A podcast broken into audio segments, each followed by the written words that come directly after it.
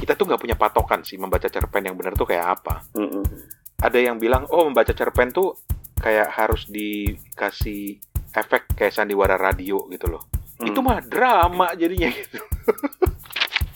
gue tuh lebih gampang mungkin membaca cerpen eh, kalau cerpennya itu adalah sudut pandang orang pertama jadi bisa dibahasakan gitu Eh, membaca cerpen ini sebagaimana cerita aja gitu, nggak terlalu intonasi ataupun tambahan-tambahan yang lebih dari kadarnya gitu. Mungkin itu.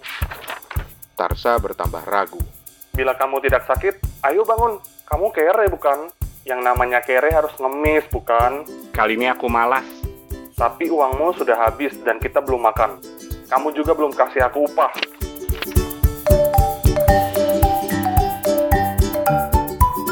Oke begitulah edisi kepo buku kita kali ini Ya, terima kasih Eh, kita akan berjumpa lagi Eh, di lain kesempatan. oke yuk thank you bye Bye-bye. Bye.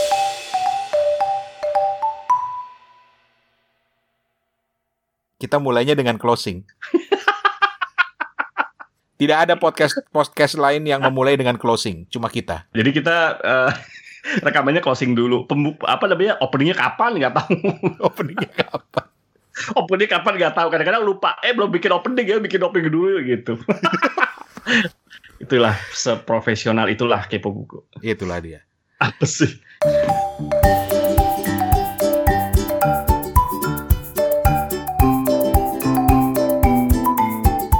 Seperti biasalah, udah nggak usah dikenal-kenalin lagi dah, udah udah terkenal ini kan semuanya padanya. ya kita udah terkenal banget masa gila lu Gi, pendengar kita aja sekali mendengar ada 150 ribu. Lu jangan ngecilin dong, gila lu 150 juta. 150 juta. Oh, itu. Ah, Ya. Hari ini Kepo Buku mau mencoba sesuatu yang beda yang belum pernah kita lakukan sama sekali sepanjang sejarah Kepo Buku, yaitu yaitu. kan akan nyanyi kami persilahkan waktu dan tempat. Silahkan Steven. nyanyi kita udah pernah itu jadi kita udah pernah Oh iya udah pernah ya? udah pernah nyanyi Iya Lu bukan gue. iya iya iya iya Oke. Baca puisi kita udah pernah. puisi pernah pernah iya iya Pernah ya. puisi kita udah pernah Eh, sesuatu yang belum pernah kita lakukan. Baca novel satu buku tuh belum ya. kapan-kapan nih kita baca novel satu Itu audiobook namanya. audiobook Hari ini kita mau membahas sebuah buku kumpulan cerpen. Tapi dari situ kemudian hmm. kita tergoda juga untuk gimana kalau kita coba bacakan cerpennya. nah Dan di sini salah satu cerpen ah, ah, salah satu cerpennya lah, jangan semuanya lah, tadi diomelin sama penulisnya gitu. kita diomelin kita sangkanya Disangkanya mau bikin audiobooknya. iya gitu. Jadi ini kita meng- mencoba mengapresiasi. Jadi eh, ide ini sebenarnya muncul dari eh, hasil ngobrol dengan eh, Patty. Patty itu adalah salah satu host, eh, bukan salah satu, dia adalah host di podcast Main Mata.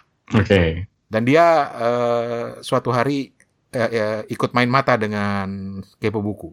Halah, apa sih jadi pengen tahu gitu loh. Heeh. Kayak apa kalau kepo buku yang biasanya belangsakan, ketawa nggak karuan atau bercandaan, tiba-tiba baca cerpen yang serius. Hmm, hmm. Kita terima dong tantangannya. Beuh. betul ngapain tuh baca cerpen Jadi kita nanti mau coba baca cerpen gitu. Hmm. Eh, Walaupun kita sendiri nggak nggak kita bertiga itu kan beda-beda gayanya, gaya gua yang misalnya lebih kalem ya nggak sih whatever. Steven yang liar gitu baca cerpennya gitu ya, Van ya. Hmm. sambil jambak-jambakan coba-coba siapa. Nggak. Oke, jadi eh, hari ini kita sudah membawa sebuah buku karya seorang sastrawan, wah pokoknya ini sastrawan kelas berat lah, yaitu Pak Ahmad Tohari. keren lah pokoknya keren Pak Ahmad Tohari itu umurnya berapa ya sekarang ya kira-kira ya? Mungkin udah 70-an kali ya. Coba kita cari Tahun 48 cuy. oh 48 oke 48 itu berarti masih lebih muda lah daripada bokap gue Mm-mm. Tahun berarti Gitu. sekarang berapa? 48, 72 tahun. 72 tahun ya Yoi. Dan Ahmad Tohari ini ya di dunia sastra semua orang udah kenal lah. Mm-mm. Gue mulai pertama kali kenal Ahmad Tohari itu gara-gara eh, trilogi Ronggeng Duku Paruk. Ah, gue masih ada tuh bukunya tuh. Kemarin beli lagi, lagi. Asik. Sengaja pengen gue koleksi. Itu plastiknya masih belum gue buka. Ya gue udah baca sebelumnya, jadi memang buku ini khusus gue simpen. Ya Allah, toh, toh. Iyalah, kudu lah. Di mana coba gue bisa dapetin novel sebagus itu? Tuh waktu itu kemarin ada cetak ulang ya di Gramedia, gue langsung beli. Hmm. Gitu. Yang gue masih cari itu adalah eh, novel-novel awalnya sih. Apaan? Kubah, nobe, nov- salah Oh, satu novel-novel Dengar gue berdebah, berdebah, Berdebah. perasaan bukan karangannya dia. Woi, kubah, kubah, kubah, kubah. Makanya gue perasaan dia nggak punya ada novel judulnya berdebah. Kubah. Nah itu gue belum pernah. Padahal itu salah satu novel juga, juga yang paling banyak dicari. Nah gue belum pernah ketemu tuh. Kalau Steven, lu kenal Ahmad Tohari dari mana, Van? Eh, jadi ceritanya waktu itu pergi ke perpustakaan daerah kan, Hmm. dan di Hmm. situ ketemu dua buku kumcernya Pak Tohari yang akhirnya mengenalkan jejak karya beliau ke ke apa ya ke pengalaman membaca aku gitu pengalaman membaca Hmm. yang ini yang apa ya seru juga gitu melihat Hmm. kehidupan yang dekat dengan orang-orang yang eh, termajinalkan gitu Apa sih yang lu suka dari Ahmad Tohari? Ya karyanya lah pastinya. Tapi apa yang menarik buat lo, Van? Eh, karena aku belum belum baca novel-novel beliau ya, tapi hanya membaca cerpen-cerpennya yang aku suka tuh sederhana dan mudah untuk diikutin gitu. Oke. Gue punya dosen dulu di kampus, dosen bahasa Indonesia yang selalu bilang Mm-mm. salah satu ciri khasnya Ahmad Tohari. Waktu itu gue nggak nggak ngerti maksudnya apa, tapi dia bilang salah satu ciri khas eh, Apa tuh? tulisan Ahmad Tohari itu tidak pretensius apa adanya. Hmm. Gue mikir maksudnya apa ya nggak pretensius gitu loh. Nggak berpura-pura Nggak berpura-pura apa adanya sederhana gitu ya. Ah, kali gitu ya. Kalau lu toh apa yang lu suka dari Ahmad Tohari? Waduh. Ya kalau menurut gue ya mungkin eh, mungkin kalau gue pakai pretensius tuh dibandingkan dengan apa gitu ya. Tapi kalau menurut gue ya kalau kalau gue benar-benar baca sampai habis tuh ya memang cuman rongeng duku paru kan ya. Tapi menurut gue ya ya ya mungkin bahasanya sederhana kali ya bisa menggambarkan keadaan yang yang yang bu- buat gue nyata. Gue nggak bisa keadaan yang sebenarnya karena gue nggak tahu apakah itu sebenarnya apa enggak tapi gue gua gue asumsi gue keadaan yang sebenarnya lah ya dia menggambarkan eh, cerita seperti itu. Tapi ya nggak nggak mulut-mulut gitu. Nggak nggak apa dulu waktu itu kita membahas salah satu novel karya Eka Kurnia ya. Siapa? Eka Kurniawan. Eka Kurniawan yang mungkin lebih surrealis gitu kan. Nah gue nggak ngerti tuh gitu. Nah kalau kalau Ahmad Tohari makanya tipe, mungkin ya ya realitas aja gitu eh, Hmm. realis aja gitu mungkin ya. Jadi jadi ya gampang gitu. Kemudian realisnya juga bahasa yang yang nggak membulat nggak nggak bulat-bulat nggak kebanyakan apa ya namanya ya nggak banyakan bunga nggak nggak floweris gitu kali kalau menurut gue Nggak flower iso. oh, nggak nggak berbunga-bunga Nggak berbunga. nggak flowery nggak flowery uh, language gitu apa sih Lu udah kelamaan di Singapura lo. Ya begitulah. iya ya Eh, begitulah nah tapi ngomong-ngomong ya ngomong-ngomong ya ro- ronggeng duku paruk itu bener ya katanya udah Hmm. udah pernah diproduksi dalam bentuk audio ya gue baca nih gue lagi ngulik-ngulik Iya, jadi di nggak tahu ya gue baca di Wikipedia. Maaf ya eh, Pak Ahmad Tohari, pengetahuan pengetahuan gue sih terbatas soalnya. Jadi jadi ditulis di sini tahun 2014 novel Ronggeng Duku Paruk diproduksi oleh Digital Archipelago dalam bentuk file audio. Dan penerbitan ini menggandeng Butet Karta Rejasa sebagai pengisi suara. Dalam haru biru kepanikan itu, kata-kata wuru bongkrek mulai diteriakkan orang. Keracunan tempe bongkrek. Di tengah kebimbangan demikian, muncullah Sakarya, ayah Santayip sendiri. Di belakang Sakarya menyusul tiga laki-laki lain, ketiganya dengan wajah berang. Walah, Santayip anakku. Orang-orang itu mabuk keracunan bongkrek. Bongkrekmu mengandung racun. Wow, asli gue baru tahu itu. Ah, gue baca di gra, eh, di Gramedia lagi di Wikipedia gitu. Ah, oke oke oke oke. Perlu dicari itu apalagi Butet. Hmm. Dan ngomong-ngomong soal Butet, ya Butet itu salah satu yang menjadi patokan gua untuk membaca cerpen. Karena waktu itu gue juga pernah diajak sama Patty baca cerpen. Mm-mm. Kemudian gue mencari referensi dong, siapa ya baca Hmm. teknik membaca cerpen yang yang menarik. Ya akhirnya gue dapatnya Butet pada saat gua googling gitu loh. Ada Hmm. beberapa orang, tapi Butet ya buat gue yang paling menarik karena dia jagoannya monolog kan. Mm-mm, mm-mm. Eh, tapi itu nantilah, nanti kita bahas soal baca cerpennya karena kita bertiga Mm-mm. kali ini mau mau uji nyali dengan mencoba membaca cerpennya Ahmad Tohari gitu. Asik, asik.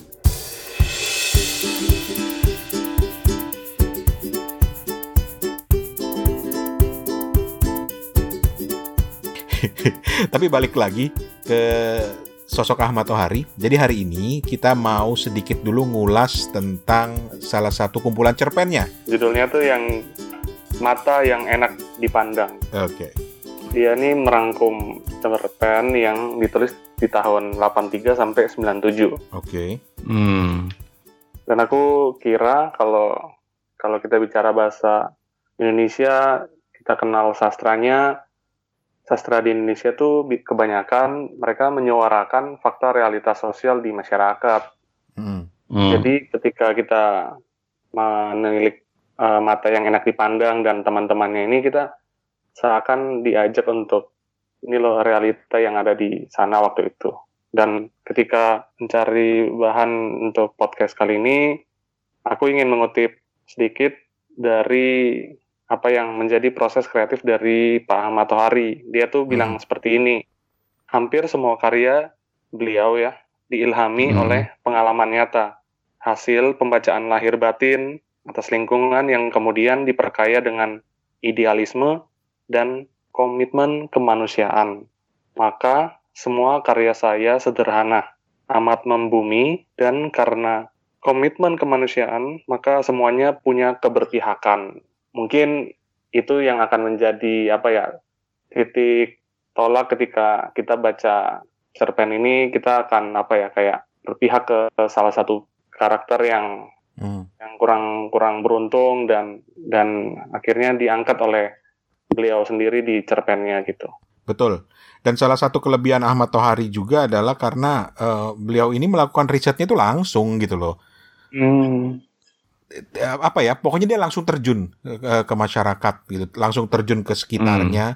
Makanya mungkin itu ya eh, kalau ada yang bilang dia nggak pretensius gitu ya karena dia me- memotret apa adanya berdasarkan apa yang dia lihat bukan berdasarkan misalnya apa yang dihayalkan tentang suatu tempat suatu setting Ya. kemudian ditulis gitu kali ya. Gua nggak tahu gua nggak tahu. Hmm, hmm, gue bukan sastrawan. Kita mencoba melihatnya dari sudut pandang kita bertiga sebagai seorang pembaca biasa gitu. Hmm. Ya di sini sastrawan kan cuma totok doang. Asik. Sastrawan wannabe. Sastrawan wannabe. Tapi Toto secara khusus ngomongin sastra itu seingat gue baru dua kali loh. Satu ngomongin Ahmad Tohari, lu udah beberapa kali kan nyentuh Ahmad Tohari kan? Nyebut-nyebut lah minimal. Dan yang kedua, Heeh. ketika lu membahas eh siapa?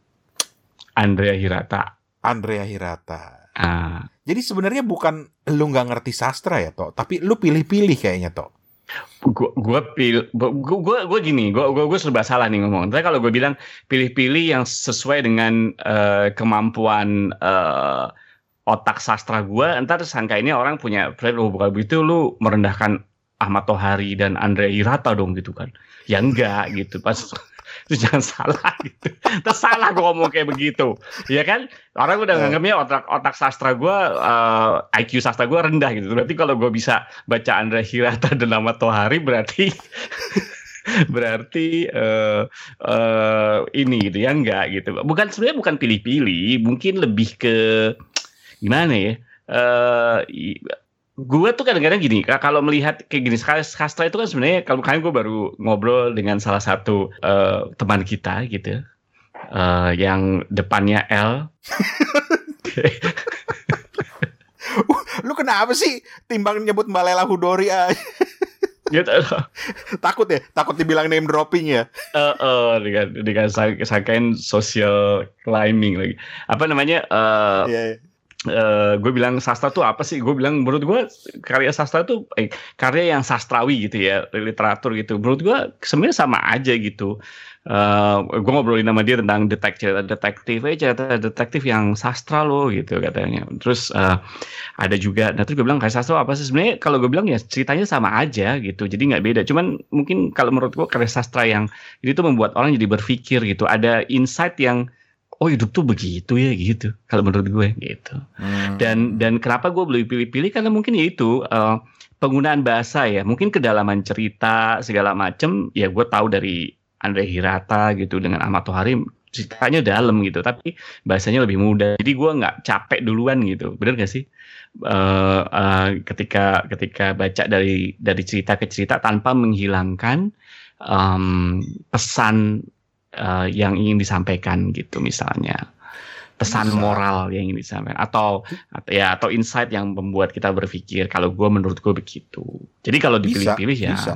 gitu Bisa. aja Karena karena memang ya itu bukan bukan bukan pretensius atau bahkan eh, bukan eh, ciri khas orang yang ber Hmm. IQ sastra rendah gitu ya toh ya. Sesuai Hmm. pakai istilah lo ya. Tapi buat gua sastra itu macam-macam kan menikmatinya. Kita pernah ngobrolin ini kan Hmm, gimana hmm, sih hmm, menikmati sastra. Misalnya kalau gua misalnya gua lebih menikmati nuansa atau Hmm, hmm, eh, hmm, hmm. cara orang meramu katanya. Tapi ada juga yang bisa menikmati ceritanya gitu. Eh, atau Steven, tolong koreksi kalau salah ya. Steven tuh eh, dari beberapa kali ngobrolin sastra tuh dia suka banget misalnya tentang Ah, ah. settingnya, sejarahnya. Dia banyak belajar hal-hal baru di situ. Gitu nggak Steven? Iya, iya. Cuman ketika aku terakhir membacanya kumpulan ceritanya Mbak Reda gitu ya, Mhm. yang judulnya Bincang-Bincang atau Bisik-Bisik ya, aku lupa. Bisik-Bisik. Nah, coba ternyata ternyata ternyata tuh yang yang bikin aku tertarik untuk baca atau minimal apa yang menjadi apa ya menjadi sebuah esensi dari sebuah karya itu sebenarnya itu kayak sebuah plot gitu ya sebuah kisah atau apa yang terjadi dengan si tokoh itu Hmm. Eh, kira-kira mudah nggak Plotnya ya, jadi ceritanya ya. Ah. apa yang menjadi uh, keresahan, apa yang menjadi uh, perjalanan si tokohnya itu, meskipun uh, setting, meskipun sejarah, meskipun budaya tuh kita juga nggak memungkiri itu penting di dalam sebuah karya gitu, sebuah cerita yang terbaca gitu ya, yang kita imajinasin. Tapi ketika kedua tokoh kita ini berdialog aja gitu, itu ternyata udah udah cukup gitu ya, udah menggambarkan keresahan dia, flawless dia, ataupun hasrat dia yang terdalam gitu, dan gimana nasib si tokoh ini ke depannya itu itu yang malah apa ya, oh ini cukup menjadi esensi untuk eh, menarik untuk bisa diikutin gitu ya, nggak perlu Hmm. kita membayangin harus ah harus yang eh, yang high gitu, yang metaforanya banyak gitu ataupun yang bahasanya mendayu-dayu gitu ya. Seperti yang Mas Toto Mendayu-dayu. bilang gitu kan. Ya, yang harus apa eh, senja gerimis di diisi dengan harian puitis gitu kan harus yang kata-katanya tuh harus berima dan dan cukup melelahkan untuk dibaca gitu. Hmm. Tapi gue masalah sastra gue kalau ngomong balik lagi ke gue pernah pernah dalam tanda kutip curhat sama teman gue yang bilang kok gue nggak bisa ya baca kayak sastra ya? Eh, oh iya bukannya lu suka baca kata teman gue gitu. Iya cuman kalau kayak baca novel gitu susah gitu. Tapi lo kok cerpen lu masih bisa? Eh, masih. Lu novel yang lu pernah baca apa gitu? Yang ya gue sebutin aja gitu. Enggak yang yang paling sering yang yang menurut lu eh, lebih sering lu baca kita kan dulu pernah bahas ya lima sekawan gue bilang gitu. Oke terus apa tuh gue bilang gitu kan. Oh lima sekawan ya oke. Em, terus lu baca ini nggak cerpen gitu masih baca. Terus waktu kecil lu baca apa? Gue baca eh H.C. Anderson gue nah itu tuh kata dia gitu gitu. Itu yang ngebentuk lu dia bilang gitu lu udah biasa baca cerita-cerita kayak gitu pendek tapi kena impact ke lu kata dia gitu H.C. Anderson kan dark stories gitu kan dia emang bener ya cerita-ceritanya kan ya kayak Hmm. itu pokoknya gue dulu bacanya kan gue nggak gue lupa H.C. Anderson apa bukan tapi tipe-tipe yang kayak gadis korek api lu tau gak sih lu pernah dengar Ya, pernah ya. baca nggak cerita kan dark Ya. banget terus s- eh, serdadu yang kakinya buntung yang Hmm. dia Hmm. yang dia Iya ya. naksir apa namanya nah gue tuh baca dari kecil tuh baca yang kayak gitu dan itu tuh cerpen kan bukan novel gitu tapi udah kena impact gue kata dia nah lu tuh memang cocoknya kayak gitu. Terus dia tanya sama gue lu suka Alfred Hitchcock nggak? Gue nggak pernah baca tapi gue demen banget sama serialnya. Dulu kan di TV ada tuh. Nah kenyataan lu tuh emang orangnya kayak gitu jadi sukanya emang lu kayak gitu. Jadi kalau lu baca novel mungkin terlalu bertele-tele buat lu gitu. Jadi bukannya bukannya lu nggak ngerti tapi terlalu bertele-tele. Lu suka yang cerita pendek tapi buat lu mikir. Lu kepikiran kan sampai sekarang kan tentang bagaimana cintanya eh, serdadu yang kakinya buntung itu. Iya iya itu kata temen gue Jangan-jangan. mungkin deh mungkin jangan-jangan Jangan kebentuk gitu. Tapi oke Hmm. lah daripada kita memperdebatkan soal sastra itu apa, seperti apa. Mm-mm. Paling tidak masing-masing sudah punya punya pendapat sendiri, punya gambaran kayak Stephen ya akhirnya mengakui bahwa selain juga setting, sejarahnya terutama karena gue ingat Hmm. sejarah itu karena Stephen sering ngobrolin waktu kita ngobrolin buku Bumi Manusia tuh dia suka banget dengan sejarah unsur sejarahnya, suasananya, settingnya gitu. Tapi dia juga eh, suka plot ceritanya gitu. Mm, mm, mm, mm. Jadi eh, masing-masing punya lah ya gayanya sendiri-sendiri Punya apa yang gayanya, dicari masing-masing gitu dan itu wajar-wajar aja. Jadi kita tidak tidak mau mem- memperdebatkan soal sastra lagi capek. yang penting sebuah karya Mendingan langsung. ya karya yang harus kita nikmati apa pun gitu selera selera ya kan Ah. namanya selera Yang penting dinikmati. Mm-mm. Karena gue ingat dulu kita pernah berdebat lima sekawan tuh sastra bukan. gitu kan. H.C. Anderson tuh sastra bukan. Ah udahlah capek. Langsung aja kita terjun aja langsung dan kumpulan cerpen Ahmad Tohari inilah eh, yang akan kita bahas eh, kali ini.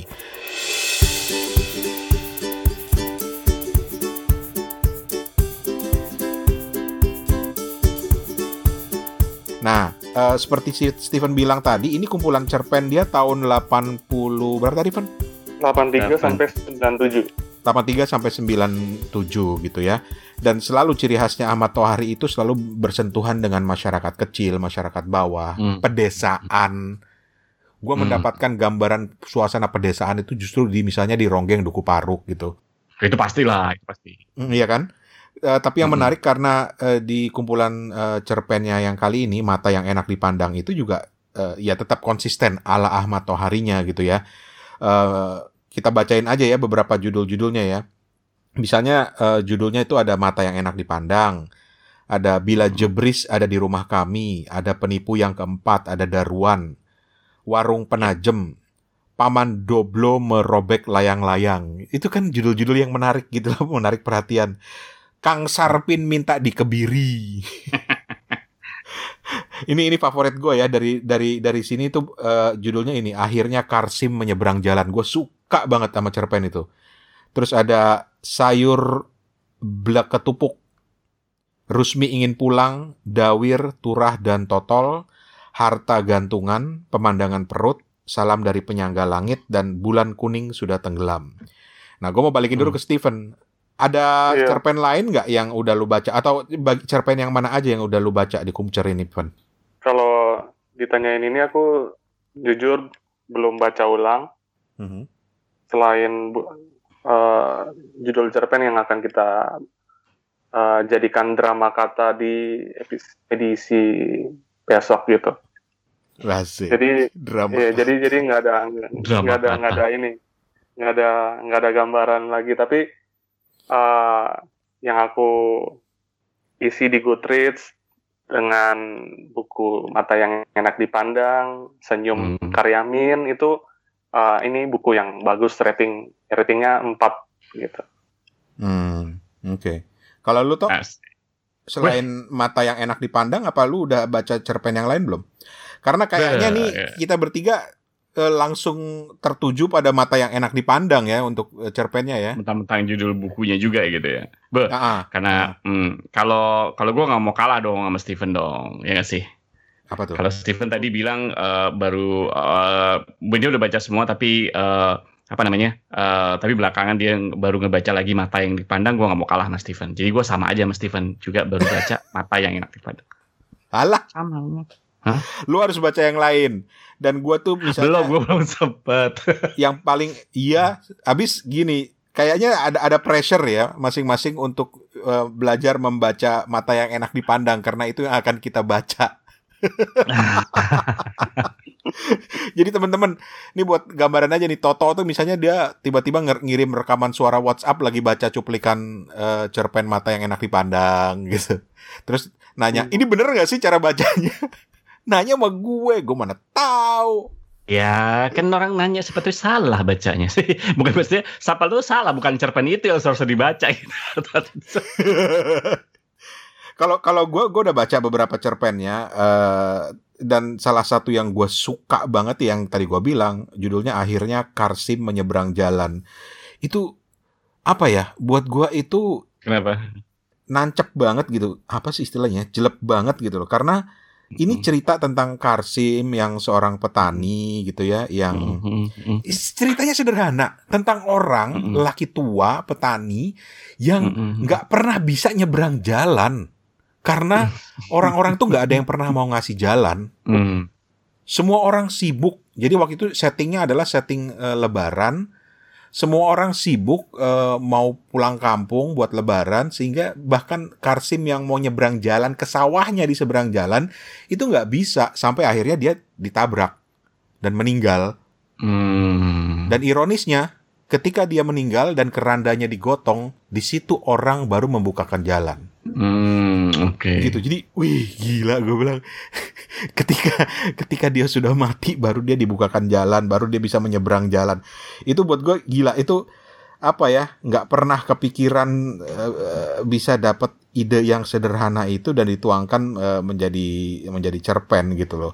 Apalagi Hmm. kata-katanya juga kata-katanya juga gue suka banget gitu loh eh, eh, yang di dijelaskan oleh eh, Ahmad Tohari ini Hmm. apa ya eh, gambarannya tuh langsung dapet gitu. Gue tuh paling suka membaca mau cerpen kayak mau novel kayak itu yang di kepala gue tuh langsung muncul gambaran yang menarik gitu loh, yang yang yang yang cocok banget gitu, yang sesuai banget. Misalnya nih dia menggambarkan eh, setelah kematiannya disiarkan lewat corong masjid, Karsim juga bisa mendengar suara kepak sayap kupu-kupu, suara tetes air di keran tempat wudhu yang tidak tertutup dengan baik, juga sampai ke telinga Kar Karsim.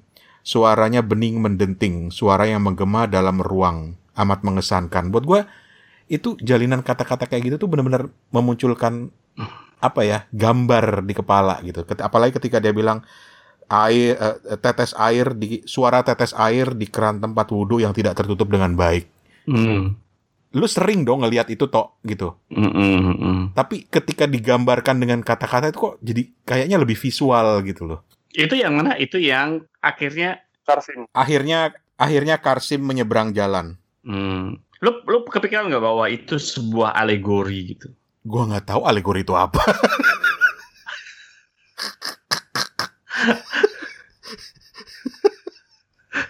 Kenapa lu nanya gitu?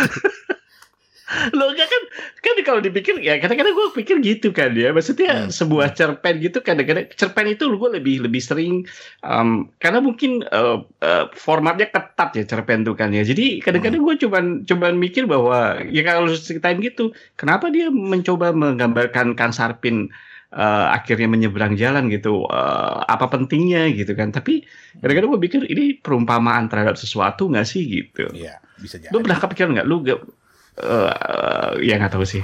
Ya, gak gue iseng aja nanya. Enggak, enggak. Da- da- dalam konteks dalam konteks lain mungkin gua mencoba mencari simbolismenya dari Hmm, sebuah simbolisme ya. simbol Ah. dari sebuah itu mungkin gue masih tapi untuk eh, beberapa termasuk juga novel-novelnya Ahmad Tohari ini gue bahkan nggak nggak pernah kepikiran. Yang penting gue menikmati ceritanya dulu menikmati Hmm, visual hmm, yang hmm. muncul di kepala gue itu yang Hmm, hmm. gila keren Hmm, banget. sama jadi setelah sekian lama gue nggak baca Ahmad Tohari gue teringat lagi kepada Ronggeng Duku Paruk misalnya yang wah gila ya penggambaran itu luar biasa gitu visualnya itu luar biasa. Hmm, gitu. Hmm. tapi oke, sekarang kita masuk ke mata yang enak dipandang karena ini eh, novel yang kita bertiga pilih eh novel.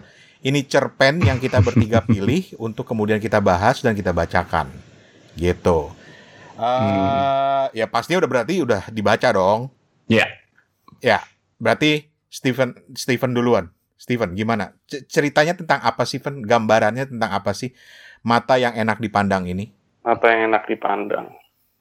Kok susah ya menjawabnya ya? Em, mata yang enak Dal- dal- dalam pandangan lo, dalam dalam pendapat lo lah, ini cerpen tentang apa Iya. sih? sebenarnya untuk aku pribadi tuh ini kayak nangkepnya orang yang pemberi itu bisa dilihat dari cahaya matanya itu yang mungkin pengen diterangin di sini ya. Tapi itu Hmm. menurut aku Hmm. Tapi dari dari dari gambaran ceritanya bisa nggak lo kasih tahu dulu, lo share ke teman-teman dulu. Ini ceritanya siapa, tokohnya apa gitu. Oh ya. Jadi ada dua orang, dua orang yang sedang di panas terik gitu ceritanya di suatu siang dan ternyata kedua tokoh ini sedang berada di samping stasiun, stasiun kereta. Nah, Hmm. kedua orang ini ternyata sedang kayak negosiasi gitu ya, sedang seperti lagi uh, menginginkan sesuatu. Nah, si si orang yang menuntun Bapak Kang Mirta, dia Hmm. ini orangnya ini apa uh, sebagai guide-nya dia tuh dan ternyata ketika di di belantara ceritanya kita arungin ternyata dia tuh uh, seorang partner aja gitu ya, seorang partner yang menjadi orang yang menuntun Kang Mirta dalam pencarian dia sehari-hari meminta-minta di gerbong kereta. Oh, jadi mereka berdua ini tukang minta-minta ya? Peminta-minta. Iya. Iya, dan ketika eh, di tengah situasi tersebut si kawan dan Kang Mirta ini dihadapkan dengan apa ya? Dengan situasi eh, kapan nih eh, keretanya datang gitu. Malah di tengah di tengah situasi yang mereka lagi kehabisan duit, malah mereka berdebat, malah mereka saling apa ya, saling mengganggu satu sama lain dan akhirnya begitulah. Hmm. Du- dua orang ini sebenarnya pengemis, cuman satunya Mirta itu adalah seorang tunanetra, Tarsa itu yang bisa menuntun Mirta ini gitu. Ya, jadi dua-duanya sebenarnya apa namanya dua-duanya adalah pengemis pada dasarnya gitu kan. Nah, cuman di cerita ini tuh em, terlihat bahwa Mirta bagaimanapun dia butuh bantuannya si Tarsa gitu kan. Tapi ya kadang-kadang mereka seperti yang tadi Steven bilang debat gitu. Tapi kadang-kadang Tarsa juga mentang-mentang dia orang yang yang tidak eh, yang awas gitu matanya ya gitu, yang yang normal aja gitu, eh, suka ngerjain Mirta kalau menurut gue gitu, kasar gampangnya gitu. Ada Hmm. yang misalnya eh, karena karena dia tahu bahwa Tarsa ini eh, dia tahu mungkin kalau menurut gue Tarsa ini bahwa Mirta membutuhkan dia tanpa dia dia juga nggak bisa gitu. Jadi kadang-kadang suka semena-mena aja gitu. ada kan ada nanti kita akan bacain eh, eh, misalnya ada ada adegan di mana Tarsa eh, eh, memeras Mirta eh, eh, s- eh, gara-gara dia ingin eh, apa ya es limun kalau nggak salah ya. Hmm. gitu kan. Tapi kan nggak dikasih gitu kan ya. Akhirnya si Mirta ditinggalin aja tuh sendirian. Mana panas gitu kan kayak gitu. Jadi Mana dia nggak bisa ngeliat gitu kan? Eh, jadi ya mana dia nggak bisa ngeliat gitu kan. Jadi kalau kalau menurut gua overall gitu em, cerita ini menurut gua menggambarkan banyak orang yang memanfaatkan mungkin ya menurut pendapat gua memanfaatkan kekurangan orang lain gitu se- eh, semena-mena gitu. Padahal kalau dipikir ya dua orang ini juga saling membutuhkan gitu. Oke. Ya, eh, terlepas dari profesinya pengemis, terlepas itu setuju apa enggak. Pada dasarnya kan Tarsa juga membutuhkan Mirta gitu, ya kan, untuk mengemis gitu. Gila, dilihat dari kalau menurut gue gitu kan, kalau tanpa Mirta menurut gue juga pendapatannya nggak bisa sebagus kalau nggak ada Mirta gitu. Mungkin ya kalau menurut pendapat gue sih gitu. Jadi menarik ya, eh, bagaimana beda-beda orang beda beda sudut pandang gitu. Kayak Steven tuh dia langsung tertarik dengan kata-kata mata yang enak dipandang, eh, yang Hmm. menjadi judul. Eh, terus juga dialognya yang yang yang langsung jadi sorotannya Steven pertama kali gitu. Kalau Toto tuh lebih kepada relasi antara kedua orang ini yang ada yang eh, memanfaatkan dan saling diman ada yang memanfaatkan dan dimanfaatkan gitu ya. Mm-mm. Kalau gua eh, lebih tertarik pada eh, apa ya? ini ini ini novel yang sangat uh, penuh dengan sindiran sosial banget. Jadi Mm-mm. uh, apa maksud gue ini temanya tuh sosial, tema kehidupan sosial gitu ya dan dan gue banyak tersindir di sini, terutama ketika di ujung-ujung novelnya, eh di ujung-ujung cerpennya. Nanti kita bacakan ya. Di ujung-ujung cerpennya itu uh, dia menyindir orang-orang yang dalam hal ini digambarkan sebagai penumpang kereta kelas 1 dan kelas 3. Dari sudut pandang pengemis, justru yang kelas 3 ini yang lebih mudah memberi Mm-mm. ketimbang yang penumpang kereta kelas 1. Itu tuh gua gua gua Hmm. gua nangkep banget dan gua merasa tersindir banget gitu loh. Karena ini mengingatkan gua pada pada sebuah pengalaman gua dengan seorang tukang minta-minta gitu, seorang pengemis. Mm-mm. eh apa namanya? Ini ini ini eh gue cerita cepat aja ya. Tapi gua tuh pernah eh, lagi makan di warung, di warung Tegal, di warteg. Ya. Ada tukang minta-minta. Ini udah tanggal tua ya. Gue masih di Jakarta waktu itu, ini tanggal tua. Mm-mm. Uang gue tinggal sepuluh ribu cuy. Gitu. Mm-mm. Terus ada tukang minta-minta datang, terus dia bilang, bang nambahin dong bang buat makan. Gue bilang gue nggak ada uang, nggak ada uang, nggak ada nggak ada recehan. Terus orang itu pergi.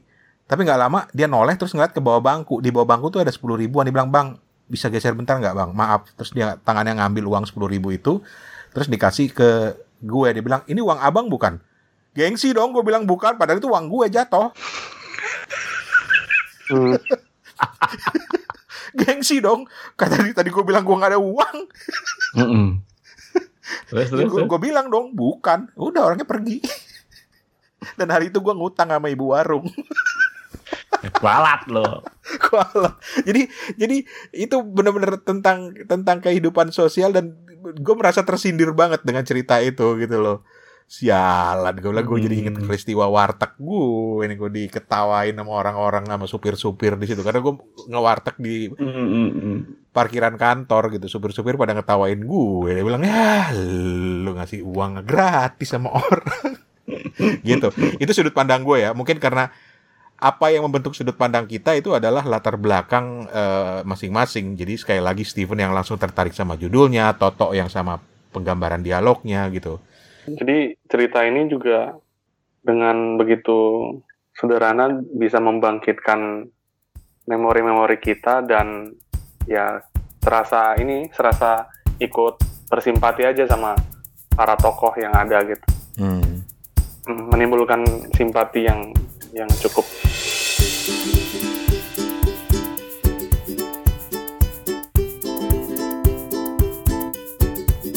ya udah kalau begitu kita langsung aja coba membaca ya dalam artian begini hmm, kita tuh nggak punya patokan sih membaca cerpen yang benar tuh kayak apa Mm-mm.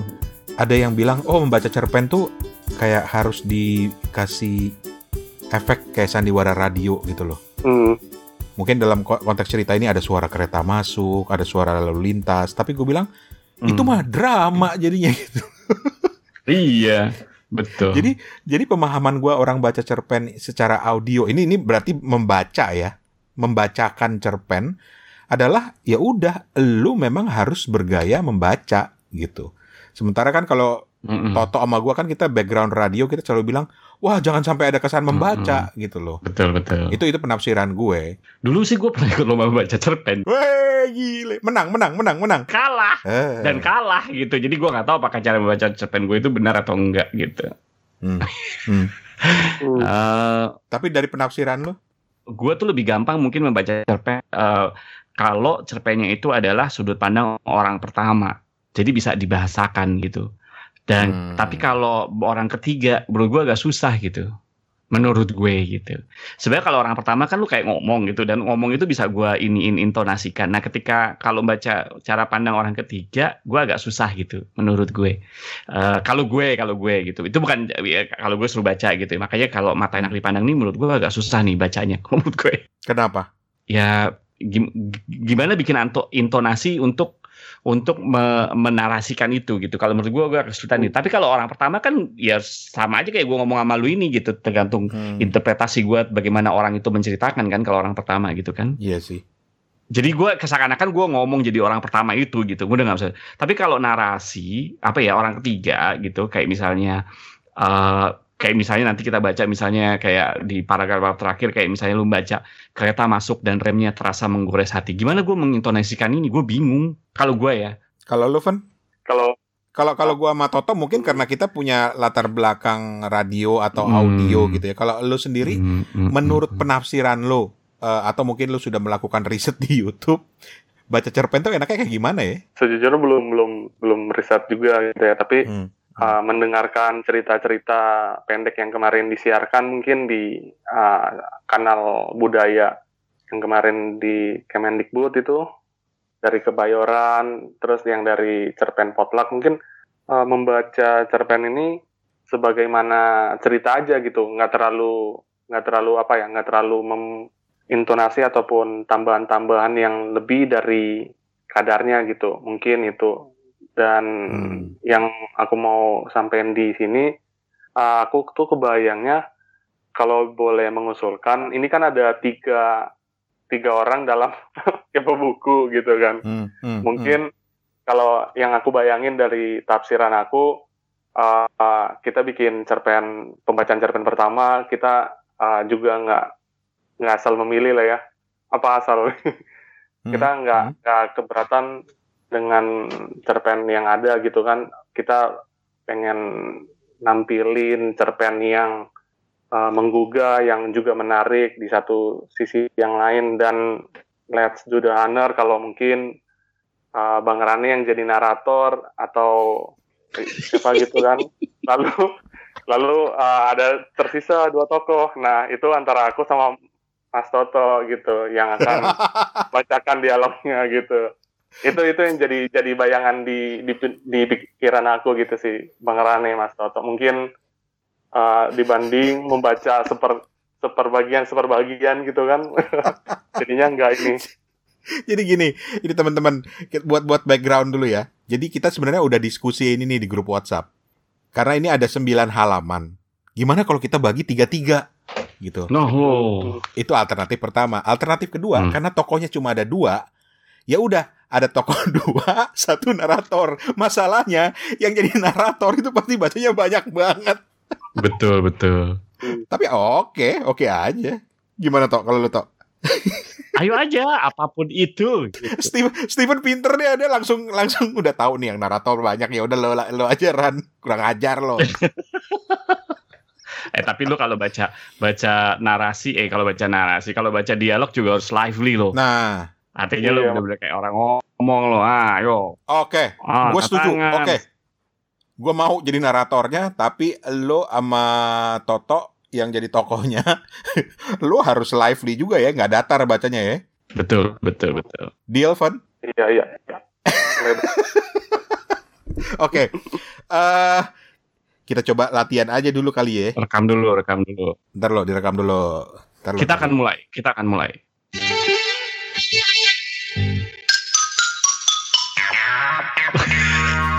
Apa sih Tok? Itu apaan? Loh, kan ada sound effect. Enggak ya? Enggak pantas ya? Enggak pantas ya? Ini ceritanya ironis, kenapa lo sound efeknya komedi?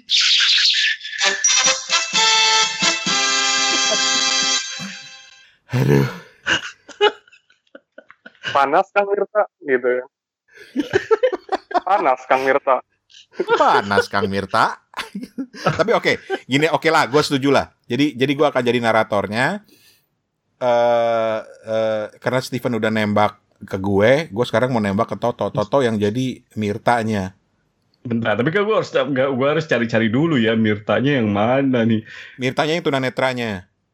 Tarsa Oke. sesuai dengan umurnya Steven yang paling muda, yang jadi penuntunnya. Mm, mm, mm, mm. Bingung kan lo? gitu ya Heeh. Sesuai kan?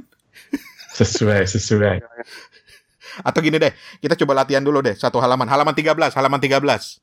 latihan dulu, halaman 13, halaman 13. Halaman 13. Jadi gini, teman-teman Oke, sambil mereka mencari halamannya, eh settingnya itu ada dua orang pengemis, satu itu Mhm. tunanetra yang senior, satu itu penuntunnya masih muda gitu. Jadi ada dialog antar mereka.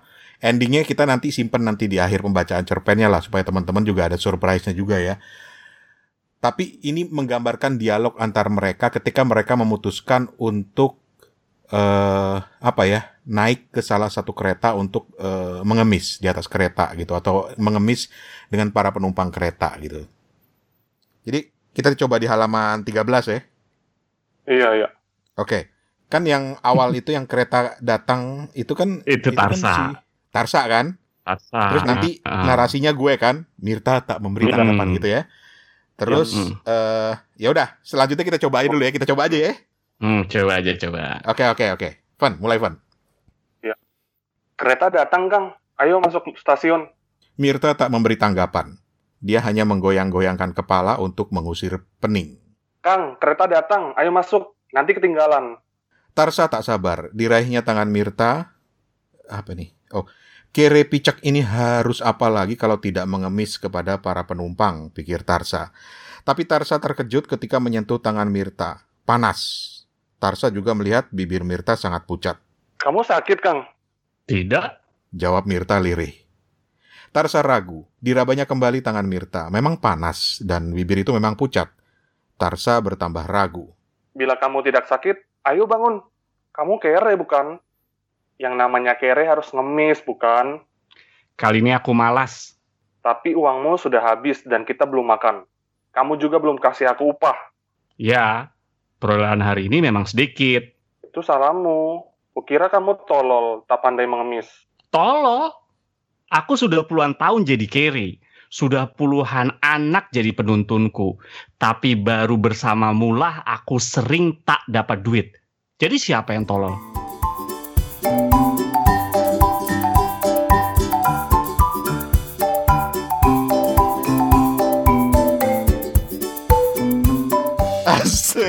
keren. seru, seru, seru, seru, seru. Asik juga ya baca cerpen ya. Mm-mm. Iya, elah, cuma narasinya panjang ya cuy. Iya, lumayan. Kurang ajar, Stephen nembak gue. Tarsa juga, eh Mirta juga enak. Lebih sedikit daripada Tarsa. Mirta banyak lagi, Eh, enggak. kagak ya? Tarsa lebih banyak. Ya udah.